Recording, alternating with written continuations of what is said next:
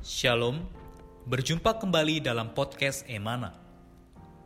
Renungan-renungan yang menguatkan iman ini diambil dari tulisan-tulisan saudara Watchmeni, seorang pelayan Tuhan yang sangat mengasihi Tuhan sampai akhir hidupnya.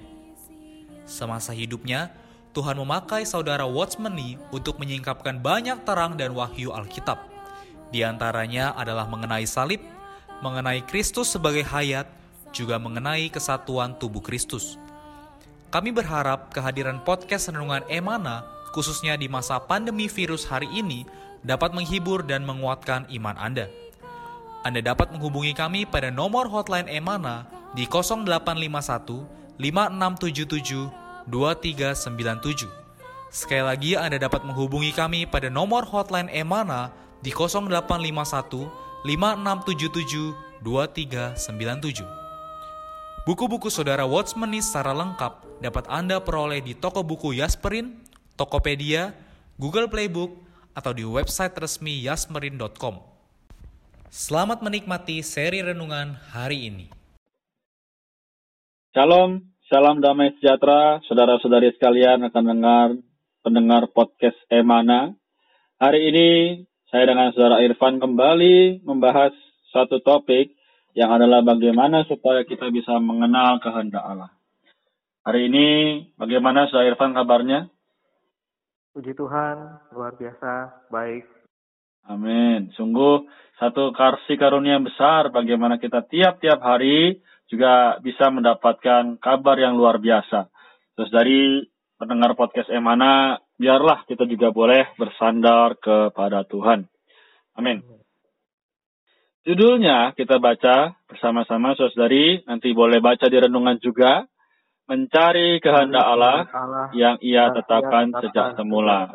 Amin. Ayatnya diambil dari bilangan pasal 22 ayat 12. Dikatakan, Lalu berfirmanlah Allah kepada Bileam, Janganlah engkau pergi bersama-sama dengan mereka, janganlah engkau mengutuk bangsa itu, sebab mereka telah diberkati. Saudara Irfan, apa maksud dari judul dan ayat ini? Ya, baik.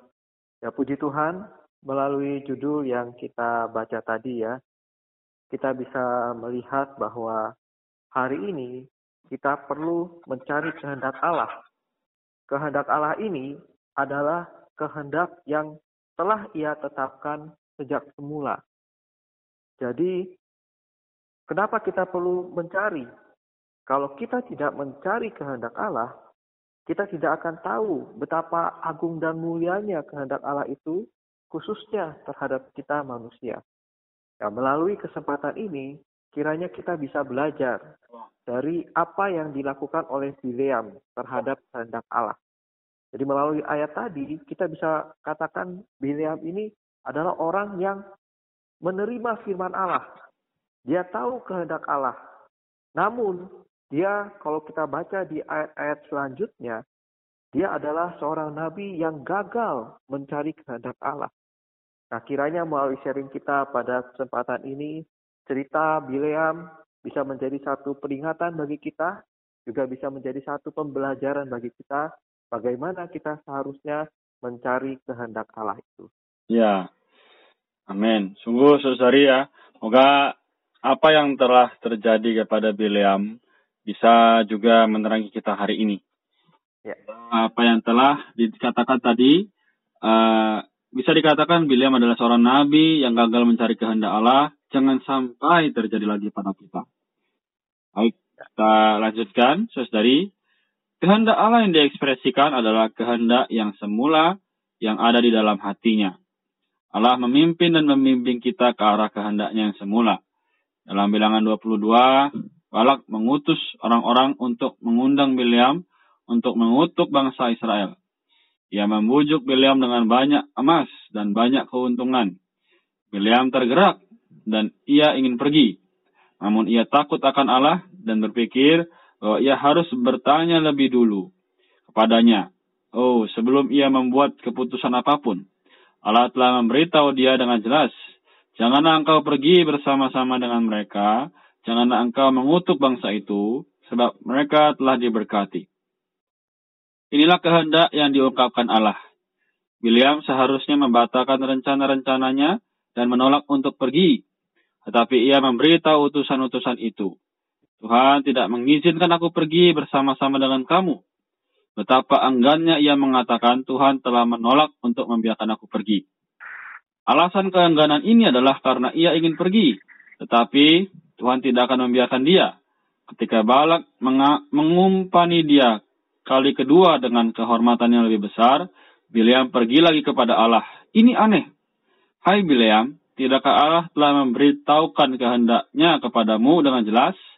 Mengapa engkau bertanya kepada Allah lagi? Apakah hatimu telah terjamah oleh persembahan kehormatan? Apakah Allah telah terjamah oleh hal yang sama? Apakah engkau mengira bahwa kehendak Allah bisa berubah tiba-tiba? Apakah engkau tidak sadar bahwa dia itu sama baik kemarin, hari ini, dan selama-lamanya? Pak Irfan, dari pernyataan ini kita bisa mendapatkan apa ini? Ya, baik. Dari pernyataan tadi, kita harus tahu bahwa di dalam mencari kehendak Allah, kita sebenarnya juga harus mengenal siapa Allah kita. Kita harus mengenal bahwa Allah kita itu adalah Allah yang benar. Dia tidak mungkin salah ketika dia menetapkan kehendaknya. Dia juga tidak akan mungkin merubah kehendaknya. Kehendaknya yang semula sama dengan kehendaknya hari ini. Bahkan kehendaknya ini bertahan sampai kepada kekekalan. Ya. Jadi apa yang ia kehendaki pasti akan ia kerjakan dan rampungkan.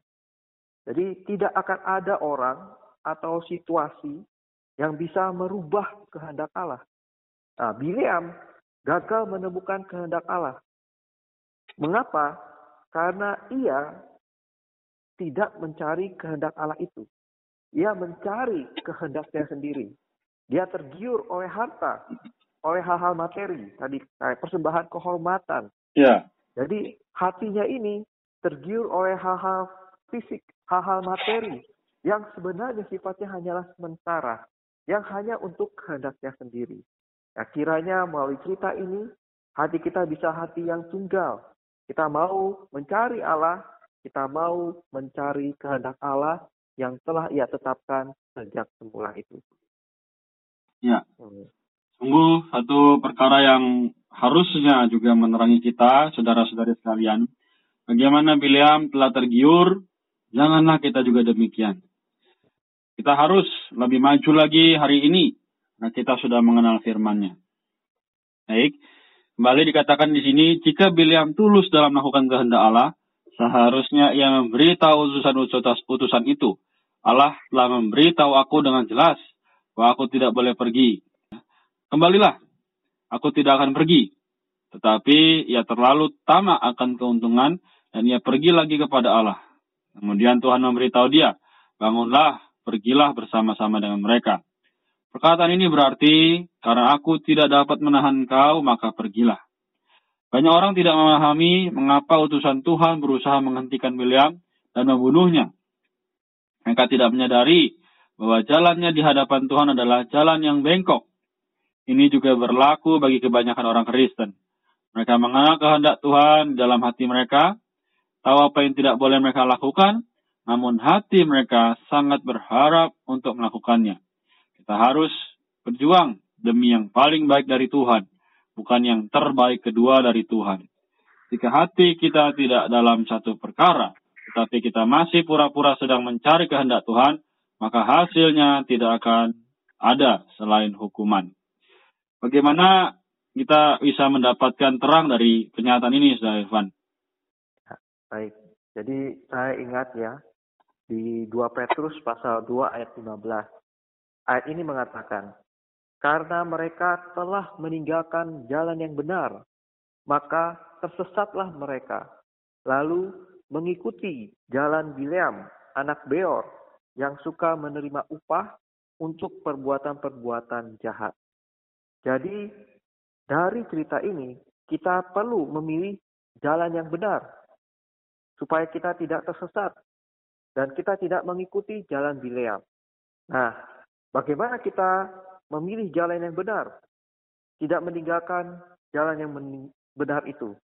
Nah, kita perlu firman Tuhan, ya. Firman Tuhan di Pemasmur yang mengatakan bahwa Firman Tuhan itu pelita bagi kaki kita, terang bagi jalan kita.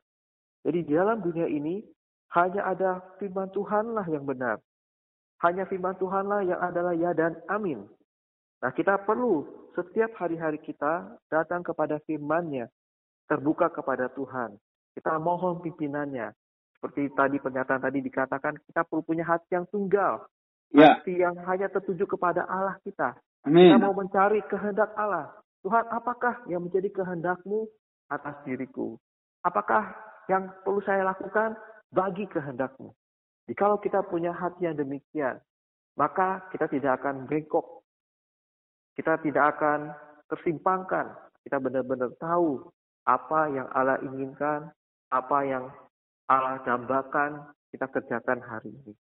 Nah, jadi, menurut saya sangat perlu satu sisi kita menikmati firman Tuhan, satu sisi lagi hati kita setiap hal kita boleh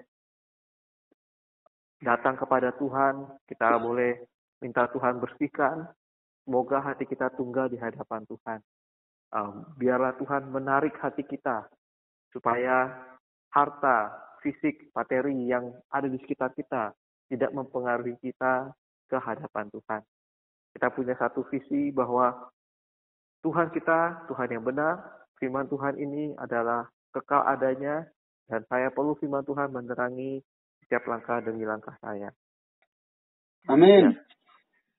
Semoga apa yang dialami Saudara Irfan juga bisa kita alami hari ini ya, saudari sekalian. Oh, dikatakan tadi Zuhairhan berkata, hari demi hari kita perlu datang kepada firman-Nya, terbuka kepada Tuhan. Mohon pimpinannya. Kiranya apa yang kita lakukan dan kerjakan, semuanya seturut dengan kehendak Allah yang telah ia tetapkan dari semula. Jadi saudari, biarlah kita terus bisa melihat apa yang telah ia tetapkan dari semula. Boleh, Saudara Irfan, karena kita sudah sampai di penghujung, bantu kita tutup dalam doa. Ya, baik. Mari kita berdoa. Tuhan Yesus, terima kasih Tuhan untuk firman-Mu pada kesempatan ini. Kami bersyukur Kau adalah Allah kami yang punya kehendak. Kehendakmu ini kekal. Kehendakmu ini begitu ajaib dan agung. Tidak mungkin dapat berubah. Kehendakmu telah kau tetapkan dari semula. Tuhan, jadikanlah kami orang-orang yang mencari kehendakmu. Kami mau kami bisa menemukan apa yang menjadi kehendakmu dari semula. Tuhan, jangan biarkan kami menjadi seperti Biliam yang menempuh jalan yang salah, jalan yang bengkok. Oh Tuhan, kami mau jalan kami jalan yang lurus. Jangan biarkan hati kami tergoda, tergiur oleh hal-hal materi, oleh hal-hal di luar dirimu. Buatlah kami punya hati yang tunggal. Kami hanya mau dikau. Kami hanya mau firmanmu yang adalah benar dan pasti. Ya. Tuhan berkati kehidupan kami, setiap saudara-saudari yang mendengarkan program podcast Emana ini Tuhan. Bahwa kami bisa mengalami firman-Mu yang menjadi terang bagi kaki kami, berita bagi jalan kami. Tuhan Yesus, kami mengasihimu. Kami mau mengasihi firman-Mu. Kami mau mengalami Dikau yang memimpin jalan kami ke dalam jalan yang benar. Kami mengasihimu Tuhan. Amin. Amin. Tunggu sukacita yang luar biasa. Irfan kita boleh sama-sama jadi orang yang maju di dalam Tuhan. Demikian pun dengan para saudara-saudari. Amin. Terima kasih atas kesempatannya. Sama-sama. Tuhan Yesus memberkati. Tuhan memberkati. Amin. Sekian podcast Renungan Emana hari ini. Kami akan kembali pada seri berikutnya. Anugerah dari Tuhan Yesus Kristus dan kasih Allah dan persekutuan Roh Kudus menyertai kita semua.